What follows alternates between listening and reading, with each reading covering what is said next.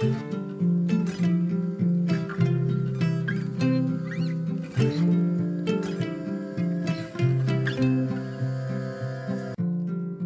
och välkommen till For Health med Anna Sparre!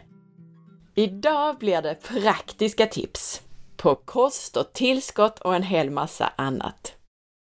Förra gången pratade vi om spännande saker som kan pågå i din kropp. Om kopplingen mellan hur du omsätter det viktiga ämnet svavel och magproblem som IBS och SIBO. Och dessutom din genetik. Idag ska du få de praktiska tipsen kring hur du kan komma till rätta med den här sortens IBS och SIBO som beror på överväxt av svavelomsättande bakterier. Och hur du hanterar obalanser i din svavelomsättning, såsom ett uppreglerat CBS-enzym. Tack till vår sponsor Selexir Selexir innehåller några av de mest potenta tillskotten för våra celler och mitokondrier i en enda tablett. Bland annat innehåller Selexir koenzym Q10, PQQ och acetyl-L-karnitin. Ämnen som både är viktiga för dina mitokondriers hälsa och behövs för cellernas energiproduktion. Du hittar Selexir på selexir.se. Om du är nyfiken efter avsnittet så hittar du mer information på forhealth.se. Du kan väl dela det här avsnittet med minst en vän och med en länk på Facebook som ditt sätt att både hjälpa dina vänner till en bättre hälsa och att hjälpa podden att överleva med allt sitt gratis innehåll. Och kom ihåg att ditt viktigaste bidrag är att lämna recensioner i iTunes. Tusen tack för detta!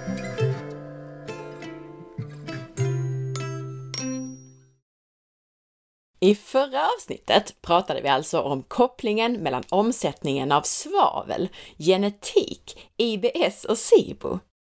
Idag fortsätter vi med de praktiska tipsen. Hur kan du komma till rätta med den så kallade tredje sortens SIBO och en uppreglerad svavelmetabolism? Om du inte lyssnade förra gången och inte alls förstår vad jag pratade om nu, så ska jag repetera några av de symptom som vi pratade om, så att du kan se om flera av dem stämmer in på dig. Symptomen är ofta några av följande i kombination. Illaluktande fisar, svett eller avföring. Fisarna luktar lite ruttet ägg och svetten kan lukta lite ammoniak. Utmattning, uppblåsthet och andra magproblem, hudbesvär, du blir varm i vallningar eller du svettas. Du kan ha oregelbundna hjärtslag. Du kan ha sömnbesvär och kanske blir du uppblåst av svavelrik mat som till exempel vitlök, lök, kål och ägg.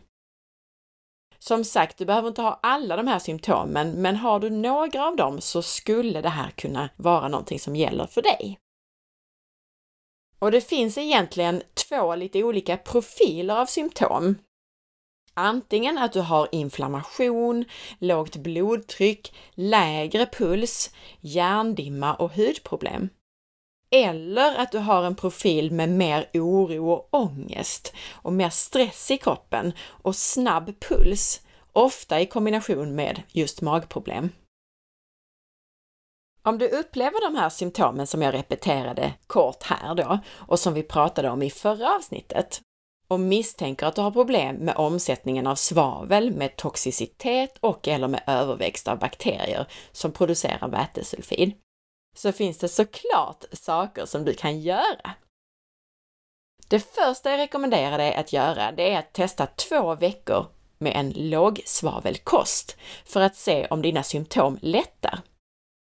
Du behöver testa så pass länge eftersom det kan ta runt en vecka att få ut vätesulfiden ur kroppen så att du känner skillnad. Märker du symptomlindring inom 2 till 7 dagar så är det antagligen rätt. Och du kan med fördel också ta tillskott av spårämnet molybden under den här tiden eftersom molybden är ett ämne som behövs för det viktiga enzymet SUOX, Sulfate Oxidase, som vi pratade lite om sist som alltså behövs för att ta de dåliga mellanprodukterna i svavelmetabolismen och bilda viktigt sulfat av dem. Dessutom så binder gifter i form av till exempel bekämpningsmedlet glyfosat just molybden, så du kan lätt få brist på det här ämnet. Så som sagt, låg svavelkost i kombination eventuellt, du behöver inte det, men eventuellt i kombination med lite molybden. Och vi gräver lite djupare i det här med låg svavelkost. Att reducera intaget av svavel en kort tid så här, det är inte bara för att upptäcka om det är vätesulfid och svavelomsättningen som är problemet. Utan det här kan också hjälpa till att avlasta kroppen så att den kommer tillbaka på banan när det gäller svavelmetabolismen i kroppen. För den som har ett uppreglerat CBS-enzym så krävs det ofta längre än två veckor på lågsvavelkost för att kroppen ska få den paus den behöver. Men börja med två veckor och se vad som händer. Viktigt att notera det är att det inte handlar om en svavelfri kost, utan en kost med mindre svavel och framförallt mindre svavel i de former som man oftast reagerar på, som till exempel teolsvavel. Svavel är ett mycket vanligt och mycket viktigt ämne och finns i det mesta. Men de saker som du vill undvika under tiden som du äter en lågsvavelkost är i stora drag alla sorters lök och vitlök, alla sorters kål, sparris, ägg, senap, rädisor, bönor, ärtor och linser inklusive jordnötter, öl och vin, svavelinnehållande tillskott som till exempel MSM, liponsyra, det här som förkortas ALA, och NAC. Taurin och metionin vill du undvika. Vitlöksextrakt som allicin såklart. Mjölktistel och silimarin.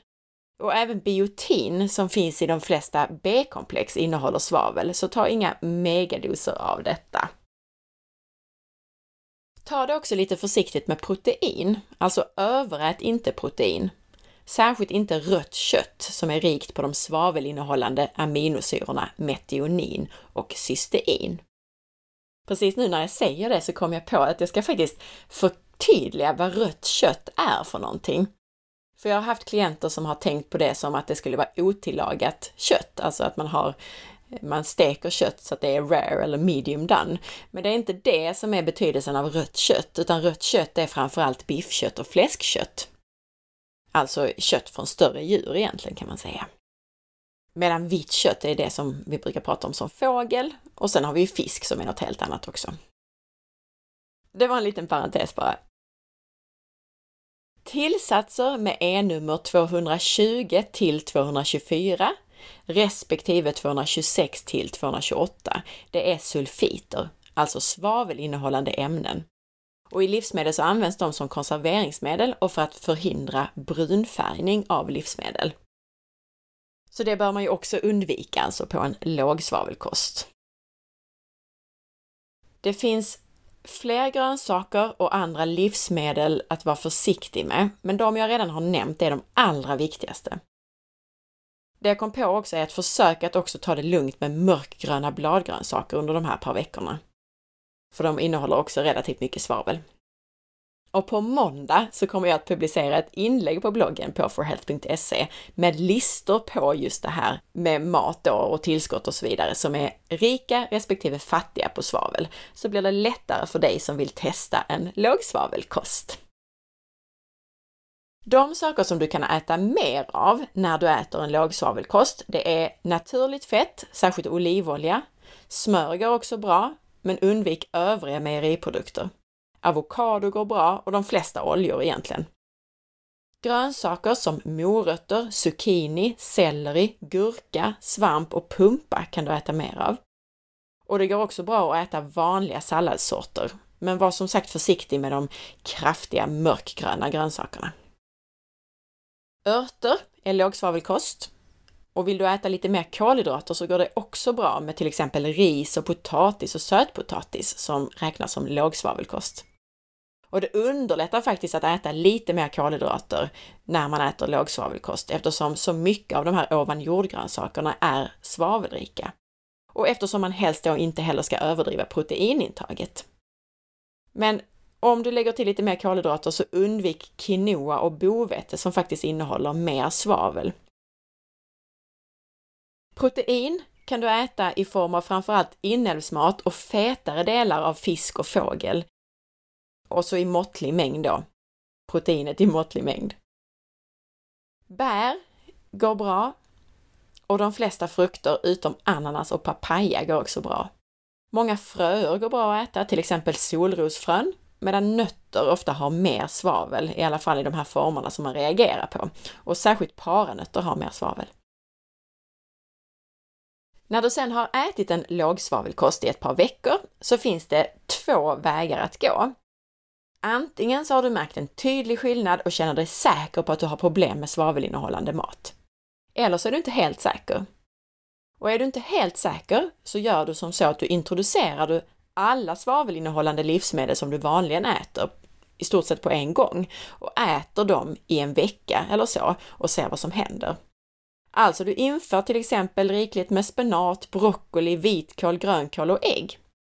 Får du då en massa symptom så kan du anta att du har problem med svavel och behöver gå tillbaka och ta ett par veckor till på lågsvavelkost. Alltså igen då.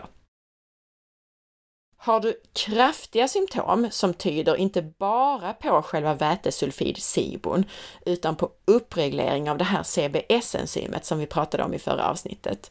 Du har till exempel problem med utmattning, du kanske känner av ammoniaklukt i urin och svett, förutsatt att du inte har sån här antiperspirant deodorant dagligen, för då känner du inte lukten. Är det så, så rekommenderar jag dig en längre period på lågsvavelkost än två veckor för att kroppen ska hinna nedreglera det här igen och få en chans att göra det. Efter din lågsvavelkost, vare sig du har gjort det här i två omgångar eller hur du har gjort det, men efter det här som vi pratar om, så kan du testa att införa en sak i taget, ett livsmedel i taget. Alltså efter en första period av avhållsamhet från svavel så kan de flesta återintroducera de flesta svavelkällor. Ofta så reagerar man fortsatt på ett par, till exempel på vitlök. I sällsynta fall så får man låta bli all högsvavelkost och det verkar oftast vara personer som lider av värk. Men det är alltså ofta så att man reagerar mer på några specifika livsmedel medan andra går bra i måttlig mängd. Och det är vanligast att man reagerar starkast på vitlök, men också vanligt att man reagerar på ägg och olika sorters kål, till exempel broccoli eller brysselkål. Så gör som så att du introducerar ett livsmedel och låt det sedan gå ett par, tre dagar innan du introducerar nästa för att kunna urskilja vad du reagerar på. Jag ska också säga det att en lågtiolkost, som Cecilia Fürst pratar lite om i avsnitt 146, som handlar om SSRI, alltså det här avsnittet handlar om SSRI. Men en lågtiolkost, det har att göra med det här en hel del. Tioler är just svavelinnehållande ämnen i kosten. Men det är inte alltid just tiolsvavel som är det som är värst. Och det verkar variera lite beroende på orsaken till att det här inte funkar i din kropp. Det finns ju annat svavel i kosten också. Så man får helt enkelt testa sig fram och se vad man reagerar mest på. Men att använda sig av en lista på just lågtiolkost kan vara en bra riktlinje under de veckor som man försöker äta en lågsvavelkost. Och som sagt, titta gärna på listorna som jag lägger upp på måndag. Och du kan alltid använda sökrutan som finns på forhealth.se om du inte hittar dem eller något annat som du letar efter. Då kan du till exempel söka på lågsvavel. När det sedan gäller ytterligare behandling för överväxt av vätesulfidbakterier och för svavelmetabolismen så är det som sagt bra att ha en lite längre paus från svavelrik mat för att ge din kropp den paus den behöver för att vara back on track så att säga. Det är dock viktigt att sedan återintroducera det man tål, om än i rimliga mängder, eftersom svavel är ett så viktigt ämne. Vidare så kan bad med Epsomsalt vara bra. Och Epsomsalt är ju magnesiumsulfat. För det funkar nämligen så finurligt att din kropp då kan ta upp sulfat via huden in i blodet utan att behöva passera bakterierna i din matsmältningsapparat.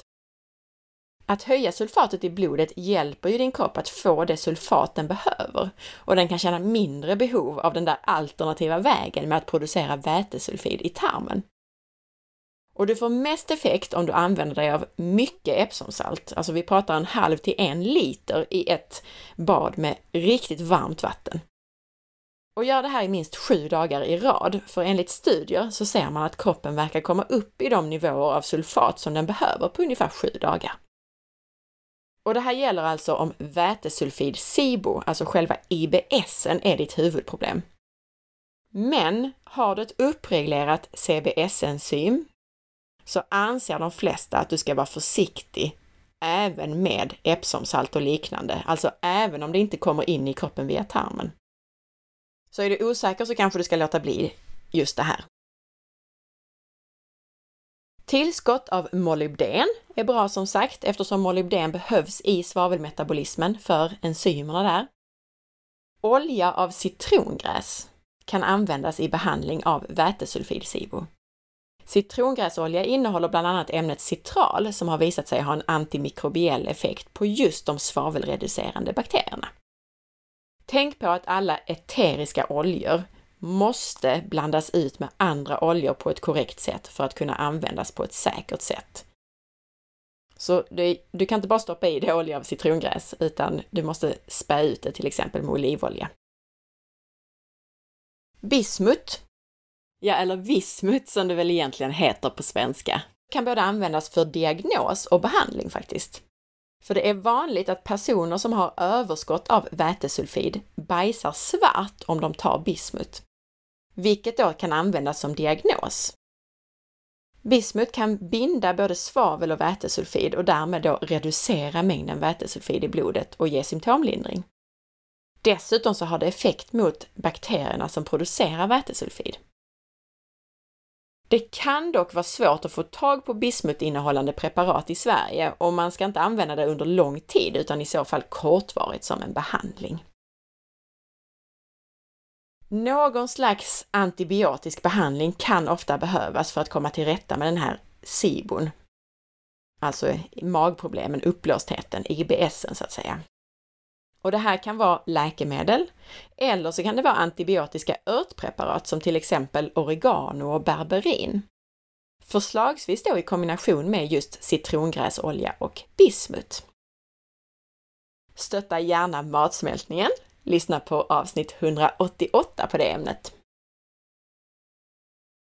Med tanke på att det ofta handlar om att vi är belastade med toxiska ämnen så behöver vi också stötta vår biotransformation, vår detox. Minska intag av toxiska ämnen, öka utflöde. Lyssna gärna på de avsnitt som jag har gjort på ämnet 112, 114 och 116. Men som sagt, bad med Epsomsalt, magnesiumsulfat som jag nämnde tidigare är ett sätt. Infraröd bastu är ett annat.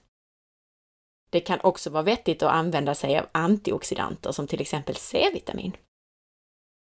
Om man har väldigt mycket problem och är mycket utmattad så kan man använda injektioner av hydroxykobalamin eftersom det sänker vätesulfid i blodet. Men tänk dock på att det ska vara just den formen av vitamin B12. För metylformer, alltså metylkobalamin, kan göra saken värre om du inte har adresserat de här problemen först. Och cyanokobalamin, en annan form av vitamin B12, som är en syntetisk form ger inte den önskvärda effekten. Och du kan såklart även ta hydroxykobalamin oralt. Även zink binder vätesulfid, så zinktillskott kan hjälpa. Dessutom så påverkar ju ett överskott av vätesulfid mitokondrierna negativt. Så att stötta mitokondrierna med till exempel koenzym Q10 kan vara väldigt bra att göra. Andra saker som kan stötta mitokondrierna är till exempel PQQ, som finns tillsammans med koenzym Q10 i Selexir. Och NADH, en form av vitamin B3 kan man säga, som används för energiproduktion. Ett annat tillskott som kan vara värt att titta på är butyrat. Det kan nämligen reducera inflammation i tarmen. Vätesulfid förstör nämligen butyrat i tarmen och bidrar också till inflammation. Tiamin, vitamin B1 alltså, kan vara en brist hos personer med svavelbesvär. Så det är också ett tillskott som man kan överväga om det kan vara värt att ta. Huruvida man ska använda probiotika eller inte vid SIBO, det debatteras det en del kring. Och jag har själv god erfarenhet med mina klienter av att använda bland annat jordbaserade stammar. Och tanken är då att man använder probiotika för att konkurrera ut de bakterier som är oönskade. Generella tarmläkande åtgärder, att läka tarmslemhinnan alltså, bör man också tänka på. Vätesulfid hänger ofta ihop med en skadad tarm och ökad tarmpermeabilitet. Fettlösliga vitaminer som A och D-vitamin, tillskott som till exempel L-glutamin och aloe vera kan vara en idé. Men också att vara noga med att utesluta saker som man inte tål och som därför kan skada tarmen. Eller saker som de flesta inte tål, som gluten och mjölkprodukter till exempel. Se också till att du går på toaletten minst en gång om dagen. Avföringen är ju en viktig del i att få ut de skadliga ämnena ur kroppen. Så det är alltså viktigt att den funkar som den ska. Du kan använda bitterörter, ingefära och också tillskott av magnesium och C-vitamin för att skynda på det här i de fall det behövs. Det är som sagt vanligt med sömnbesvär om du har överskott av svavelmetaboliter. Har du sömnproblem så kan du testa att använda dig av GABA den lugnande signalsubstansen GABA och receptorerna för GABA tar nämligen en del skada av sulfit och vätesulfitproblem. Kolla gärna din genetik, bland annat CBS, SUOX och MTHFR är relevanta gener att testa. I vanliga blodprover så kan man till exempel mäta homocystein som är en markör i ett organics-test, det här som jag brukar kalla för näringsstatus. Där kan man titta dels på nivåerna av sulfat i urin, men även på detox generellt, de markörer som speglar detox alltså. Och dels på om det ser ut som att man har problem med överväxt av bakterier i sitt organics-test. Alltså det finns markörer i ett organics som, som visar på obalans, dysbios och överväxt av vissa sorters bakterier. Man kan också titta på de markörer som indikerar överskott av ammoniak. Citrat, cissasonitat och isocitrat handlar det om som markörer då. Eftersom ammoniaköverskott kan vara ett tecken på ett uppreglerat CBS-enzym som vi alltså pratade om i förra avsnittet. Men detta, alltså de här markörerna och mer ammoniak, det kan också vara ett tecken på att njurarna inte orkar ta hand om ammoniak eller på att du helt enkelt äter för mycket protein i förhållande till andra näringsämnen eftersom ammoniak bildas när just aminosyror bryts ner. Men börja som sagt med att testa en lågsvavelkost. Det kan räcka långt. Och har du svåra besvär så ta kontakt med en terapeut som kan det här. Tänk också på att ibland så kan symptomen bli värre de första par dagarna när du äter en lågsvavelkost och tar hand om de här problemen så att säga. För att sen bli bättre. Jag tar upp behandlingsalternativ här, dels för att det är en hel del terapeuter och läkare som lyssnar på podden, så att du som arbetar med det ska kunna efterforska ämnet vidare.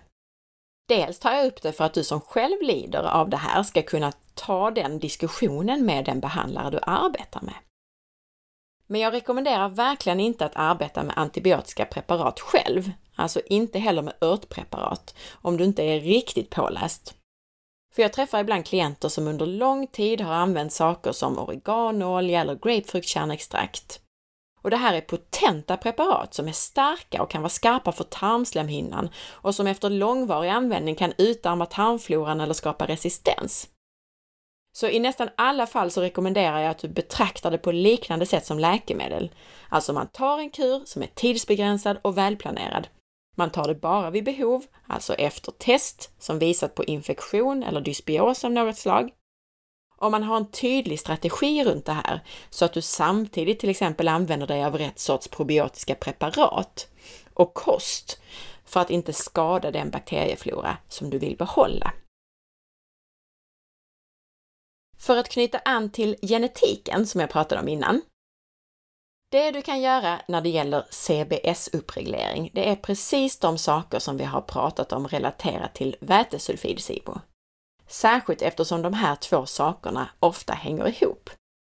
Men det finns ytterligare några saker att tänka på om huvudproblemet är det här med CBS-uppreglering och din genetik. Men tänk alltså först och främst på att hålla nere svavelrik mat, åtminstone under en period. Dessutom behöver du med ett uppreglerat CBS-enzym hålla nere metylgrupper. Vilket alltså förutom de svavelinnehållande tillskotten handlar om tillskott som SAM, eller SAM-E, metylkobalamin, alltså en form av vitamin B12, metylfolat, alltså en form av folatfolsyra, och betain, alltså det som vanligen finns i tillskott som man tar för att höja sin magsyra. Lyssna gärna på avsnitt 188 på det ämnet. Du vill alltså stötta din matsmältning, men tänk på att betain innehåller metylgrupper. De flesta saltsyratillskott är just betain-HCl. Så behöver du bilda mer magsyra så är det bättre att använda högdos äppelcidervinäger och andra sura saker, åtminstone i början. Tänk också på att definitivt inte överäta protein. Håll istället proteinintaget lågt till måttligt. Dels eftersom proteinrik kost innehåller svavel, men framför allt eftersom nedbrytning av aminosyror bildar ammoniak. Vilket du redan har ett överskott av om ditt CBS-enzym är uppreglerat. Och vad kan det betyda i praktiken? Jo, till exempel en kost med ungefär 10% protein och då pratar jag energiprocent, alltså att 10% av energiintaget av kalorierna du äter är i form av protein. Ungefär 10 till 20 kolhydrater och 70 till 80% fett av energin då alltså. Och i praktiken så betyder det att om ditt dagsintag ligger på 2000 kalorier så äter du 50 gram protein, 50 till 100 gram kolhydrater och 150 till 180 gram fett. Och eftersom jag har hört personer missförstå det här tidigare så ska jag förtydliga det ännu mer. När jag säger 50 gram protein så menar jag inte 50 gram proteinrik kost. Alltså jag menar inte 50 gram kött per dag, utan jag menar det faktiska proteininnehållet.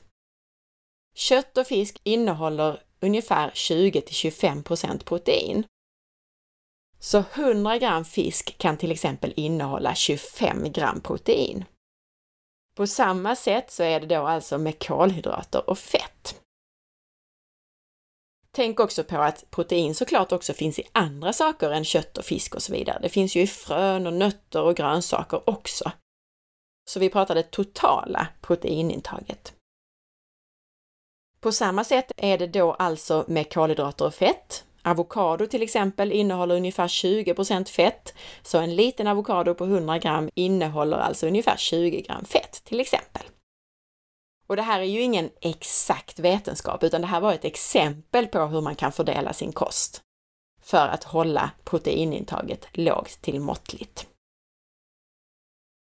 Som jag nämnde tidigare så kan man använda tillskott som hydroxykobalamin och molybden men vid CBS-uppreglering så brukar man också prata om att det kan vara effektivt med tillskott av inulin. Och det är ju en sorts fibrer. Men tyvärr så är de flesta inulinrika grönsaker också väldigt rika på svavel, så det får nog bli just tillskott av inulin om du vill använda det. Förutom spårämnet molybden som vi har nämnt så är mangan, ett annat spårämne, viktigt eftersom nivåerna av mangan ofta sjunker vid överskott av ammoniak. Aminosyran arginin kan stötta en kropp med för mycket ammoniak så att den blir bättre på att bryta ner det. Om du är uppe i varv och har svårt att sova så brukar som sagt den lugnande signalsubstansen GABA vara det bästa alternativet för personer med uppreglerad CBS-funktion. I min erfarenhet så är det inte alltid det bästa att ta det på kvällen innan man ska sova, därför att ibland så blir inte djupsömnen lika djup. Det är min erfarenhet, men jag, det kanske inte gäller för alla. Det finns ingen forskning vad jag vet på det. Däremot så kan det hjälpa dels under dagen, att det tar dagtid för om man känner att man är väldigt stressad, orolig och uppe i varv. Och dels så kan det hjälpa om man vaknar på natten och har svårt att somna om, att ta GABA. Och i så fall, för att få snabbast effekt, så rekommenderar jag att du tuggar på kapseln så att du får in en del GABA via munhålan och slipper få allting via matsmältningssystemet alltså, för då tar det så lång tid innan det ger effekt. Intressant nog så har man sett en väldigt effektiv minskning av CBS-aktiviteten. Alltså det här enzymet då som vi vill lugna ner lite grann. Man har sett en effektiv minskning av det i möss som är i ketos. Men min erfarenhet är att det effektivaste är att hålla proteinintaget relativt lågt. Att mycket riktigt äta rikligt med fett som energikälla, men också att lägga till lite mer stärkelse i maten, som till exempel potatis, sötpotatis och eller ris. Eftersom många grönsaker då innehåller mycket svavel. Du kommer med all sannolikhet bilda ketoner ändå eftersom kosten fortfarande är relativt strikt. Om du undviker mackor och pasta och socker och annat. Och då dessutom får en så stor del av ditt energiintag från just fett. Och här råder det alltså också en del meningsskiljaktigheter kring det här med Epsomsaltbad som sagt då. De flesta som fokuserar på just CBS-enzymet och de genetiska aspekterna av det här med svavelomsättning och vätesulfid, de avråder från Epsom-saltbad. I övrigt går det här verkligen hand i hand. Vätesulfid SIBO, svavelmetabolism, genetik och uppreglering av CBS. En annan sak att ha i åtanke här, det är att en strikt low carb AIP-kost som många äter för att bli kvitt sina hälsobesvär ofta är väldigt rik på svavel. Tänk på att one size doesn't fit all. Kanske behöver du en AIP-kost, alltså jag pratar om en autoimmunkost här, en sån här sorts antiinflammatorisk kost. Men är du känslig för svavel så behöver du göra en hel del justeringar, för att i så fall kan en svavelrik kost skapa mer inflammation. Och kanske behöver du inte heller äta en så strikt low carb kost, alltså du behöver kanske inte äta så väldigt lite kolhydrater som många gör, och det är förresten en ganska vanlig observation från min sida att många kastar sig in i AIP och är för strikta samtidigt som de kanske dessutom inte får i sig tillräckligt mycket fett i så fall. För om du inte planerar det väldigt väl så äter du oftast för lite energi när du börjar ta bort en massa livsmedel. Ska du äta low carb så behöver en genomsnittlig person få i sig mellan 150 och 200 gram fett dagligen. Och mer fett ju striktare lågkolhydratkost. De flesta behöver inte heller vara superstrikta med kolhydraterna. Ät mycket fett, men ät också rotfrukter till måltiderna. Och varför inte lite sötpotatis eller en knytnäve ris till middagen? Det är fortfarande en lågkolhydratkost, men det underlättar för kroppen, särskilt om du är trött. Och det underlättar framför allt dessutom om du måste undvika svavel samtidigt. Återigen, one size doesn't fit all alltså. Bara för att en epileptiker och en diabetiker ska äta strikt ketogen kost så betyder det definitivt inte att till exempel en utmattad person ska göra det. Även 100 gram kolhydrater dagligen är en form av hälsosam lågkolhydratkost för många. Vi är alla olika med olika behov och olika hälsoproblem, så anpassa kosten efter dig. Hur vet man att man har vätesulfid-SIBO eller problem med svavelmetabolismen då? Ja, har du de symptom som vi pratade om i förra avsnittet och som vi repeterade här i början av det här avsnittet, så kan och bör du ju som sagt testa en lågsvavelkost. Om det är problem med svavel så bör du bli bättre efter åtminstone 7 till 14 dagar på en strikt lågsvavelkost. Och du bör också få symptom om du sedan testar införa rikligt med svavelrik mat igen. Så på så sätt borde du kunna få en bild av om du har problem med det här. Men det bästa är att också göra hälsotester. Även om det inte finns några perfekta tester för det här ännu, så finns det flera tester som är bra att ha med sig. Att testa sin genetik till exempel är jättevärdefullt när det gäller det här. Att göra ett SIBO-test att göra ett test av tarmfloran, att göra ett organics-test, det jag kallar för näringsstatus. Där kan man titta efter sulfat, men här kan man också titta på hur mitokondrierna mår. Vätesulfid i blodet kan ju nämligen ge mitokondrieproblem eftersom det belastar mitokondrierna när de då tvingas ta hand om alla svavelmetaboliter och fixa all sulfat. Dessutom så kan man titta efter markörer i ett organics som ett förhöjt citrat och isocitrat som tyder på högre nivåer av ammoniak i kroppen. Och detta kan i sin tur då tyda på ett uppreglerat CBS-enzym. Och som sagt, du behöver inte förstå och hänga med på allt det här. Jag vill bara förklara varför det kan vara bra att göra vissa tester. Det ska också gå att få tag på stickor där du mäter sulfit eller sulfat i urin. Och om någon vet var man får tag på sådana så hör gärna av er med en kommentar på bloggen eller på Facebook till exempel.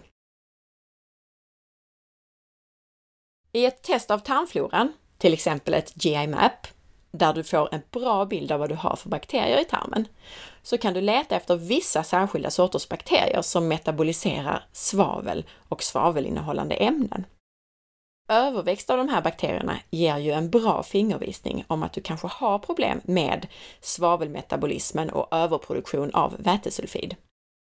Bakterier som till exempel Helicobacter pylori, magsårsbakterien som vi pratade om i avsnitt 188, Desulfovibrio, Akkermansia, vissa stammar av Prevotella, Proteus mirabilis, Clostridium, Enterobacter, E. coli och så värstingarna Klebsiella citrobacter, Campylobacter och Salmonella. Har du överväxt av några av de här så kan det ge ytterligare en ledtråd till dina problem eftersom de här bakterierna är just sådana sorter som kan omsätta svavel. Det intressanta är att flera av de här bakterierna som omsätter svavel, som till exempel Citrobacter, Klebsiella och Proteus mirabilis, i studier också har kopplats samman till ökad tarmpermeabilitet, alltså läckande tarm, och ökad risk för autoimmun sjukdom, som till exempel reumatism. Och förutom att titta efter just bakteriestammarna i ett avföringstest så finns det andra saker som påverkar. För det första ska man veta att vätesulfid-SIBO oftast handlar om övre matsmältningskanalen, medan andra former av SIBO kan sitta längre ner i tunntarmen. Denna sortens SIBO, vätesulfid-SIBO, handlar ofta om infektioner i magsäck och tolvfingertarm. Här rör det sig om bakterier som helicobacter, men också om citrobacter, proteus mirabilis och så vidare. Ofta i den övre delen av matsmältningssystemet alltså. Och av den anledningen så kan det också vara intressant att titta i ett IPA-test, alltså i ett test som mäter tarmpermeabiliteten.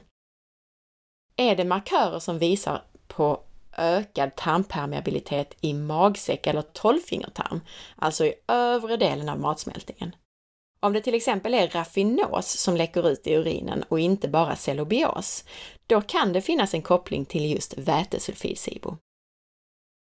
De här infektionerna som hänger samman med vätesulfidsibo brukar också påverka matsmältningen negativt. Så har man markörer som visar på nedsatt matsmältning i sitt avföringstest så har man ytterligare en ledtråd. Man får helt enkelt lägga pussel med alla sina hälsotester och symptom. Och som om jag inte redan har gjort det här tillräckligt komplicerat. Vad som gör det här ännu svårare, det är att det är inte ovanligt att man både har vätesulfid-SIBO och sen har man en sekundär överväxt, till exempel metan-SIBO. Och det kan vara anledningen till att många inte känner igen sig när det sägs att man ofta kan få snabbare tarmpassage och bli lösare i magen av vätesulfid-SIBO. För i själva verket så är de flesta mer förstoppade. Jag har en del personlig erfarenhet av det här. I mitt eget fall så var det så att jag efter ett organics-test såg att jag hade behov av att stötta min glutationproduktion. Och det tydligaste behovet det var av glycin. Glutation, det här kroppsegna antioxidanten och avgiftningspreparatet kan man säga i kroppen, det byggs ju av aminosyrorna glutamin, cystein och glycin. Men det som är tydligast i studierna, i forskningen, som höjer kroppens nivåer av glutation, det är cystein i form av NAC, N-acetylcystein, som vi bland annat pratade med Dr. Marcus Gitterly om. Så jag valde att även använda mig av NAC. Och sen upptäckte jag att jag mådde lite konstigt, jag svullnade lite om magen ibland, jag var lite varmare och sov lite sämre. Men jag kopplade inte det till den svavelinnehållande aminosyran NAC förrän jag efter en måltid med massor med lök och vitlök både svullnade och kände att mitt svett luktade lite annorlunda, lite ammoniak. Jag som aldrig haft något problem med lök och vitlök och sånt här tidigare. Men då föll poletten ner. Att jag inte såg mönstret innan, det fattar jag inte, men ibland är det svårare att arbeta med sin egen hälsa än med andras helt enkelt. För jag vet ju egentligen att jag är genetiskt disponerad för att ha ett lite snabbt CBS-enzym, på grund av min genetik alltså. Jag har mellanvarianten kan man säga av den här snippen som kallas för CBS, C699T. Alltså jag är CT där, för den som har gjort ett DNA-test kanske det säger någonting. Och det här kan alltså sätta extra press på det här suoxenzymet som sköter omvandlingen av svavelmetaboliter till sulfat i kroppen. Dessutom så äter jag mycket svavelinnehållande grönsaker som kål och sparris. Och jag vet också enligt mina tarmfloratester att jag ligger lite högt i en del sorters bakterier som är just de som kan omsätta svavel. I mina organics-tester så vet jag att jag ligger högt i sulfat och jag vet att jag dessutom ligger åt det högre hållet i citrat och andra markörer som tyder på mycket ammoniak och som alltså är en biprodukt av hög CBS-aktivitet. Så jag hade alltså laddat vapen och sen stoppade jag NAC på det, vilket belastade allt det här ännu mer och fick bägaren att rinna över. Så kan det bli alltså. Sådär! jag hoppas att det blev lite mer konkret med dagens avsnitt. Återigen, du behöver inte ha förstått precis allt och vad en CBS-uppreglering är och så vidare. Men har du flera av de här symptomen som vi pratade om, som IBS, energilöshet, svettningar, illaluktande fisar eller andedräkt, sömnbesvär och så vidare. Du kanske har svårt att tolerera alkohol. Har du det, så ta hjälp av listorna som jag lägger upp på forhealth.se och testa en lågsvavelkost i ett par veckor så vet du om du behöver gå vidare med det här eller inte. Och behöver du det, så ta hjälp av en terapeut som kan guida dig vidare. Och lyssna igen på de här avsnitten, 193 och 194, så sjunker förhoppningsvis ännu mer in.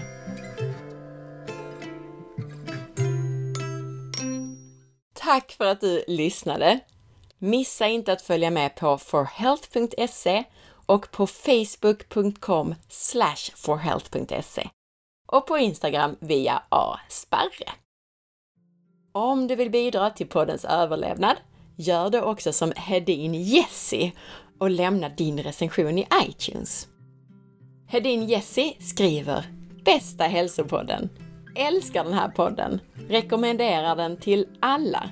Så mycket inspiration och kunskap hämtar jag här. Tack fantastiska Anna! Tusen tack! Vi hörs snart igen. Ha en fantastisk dag. Hej då!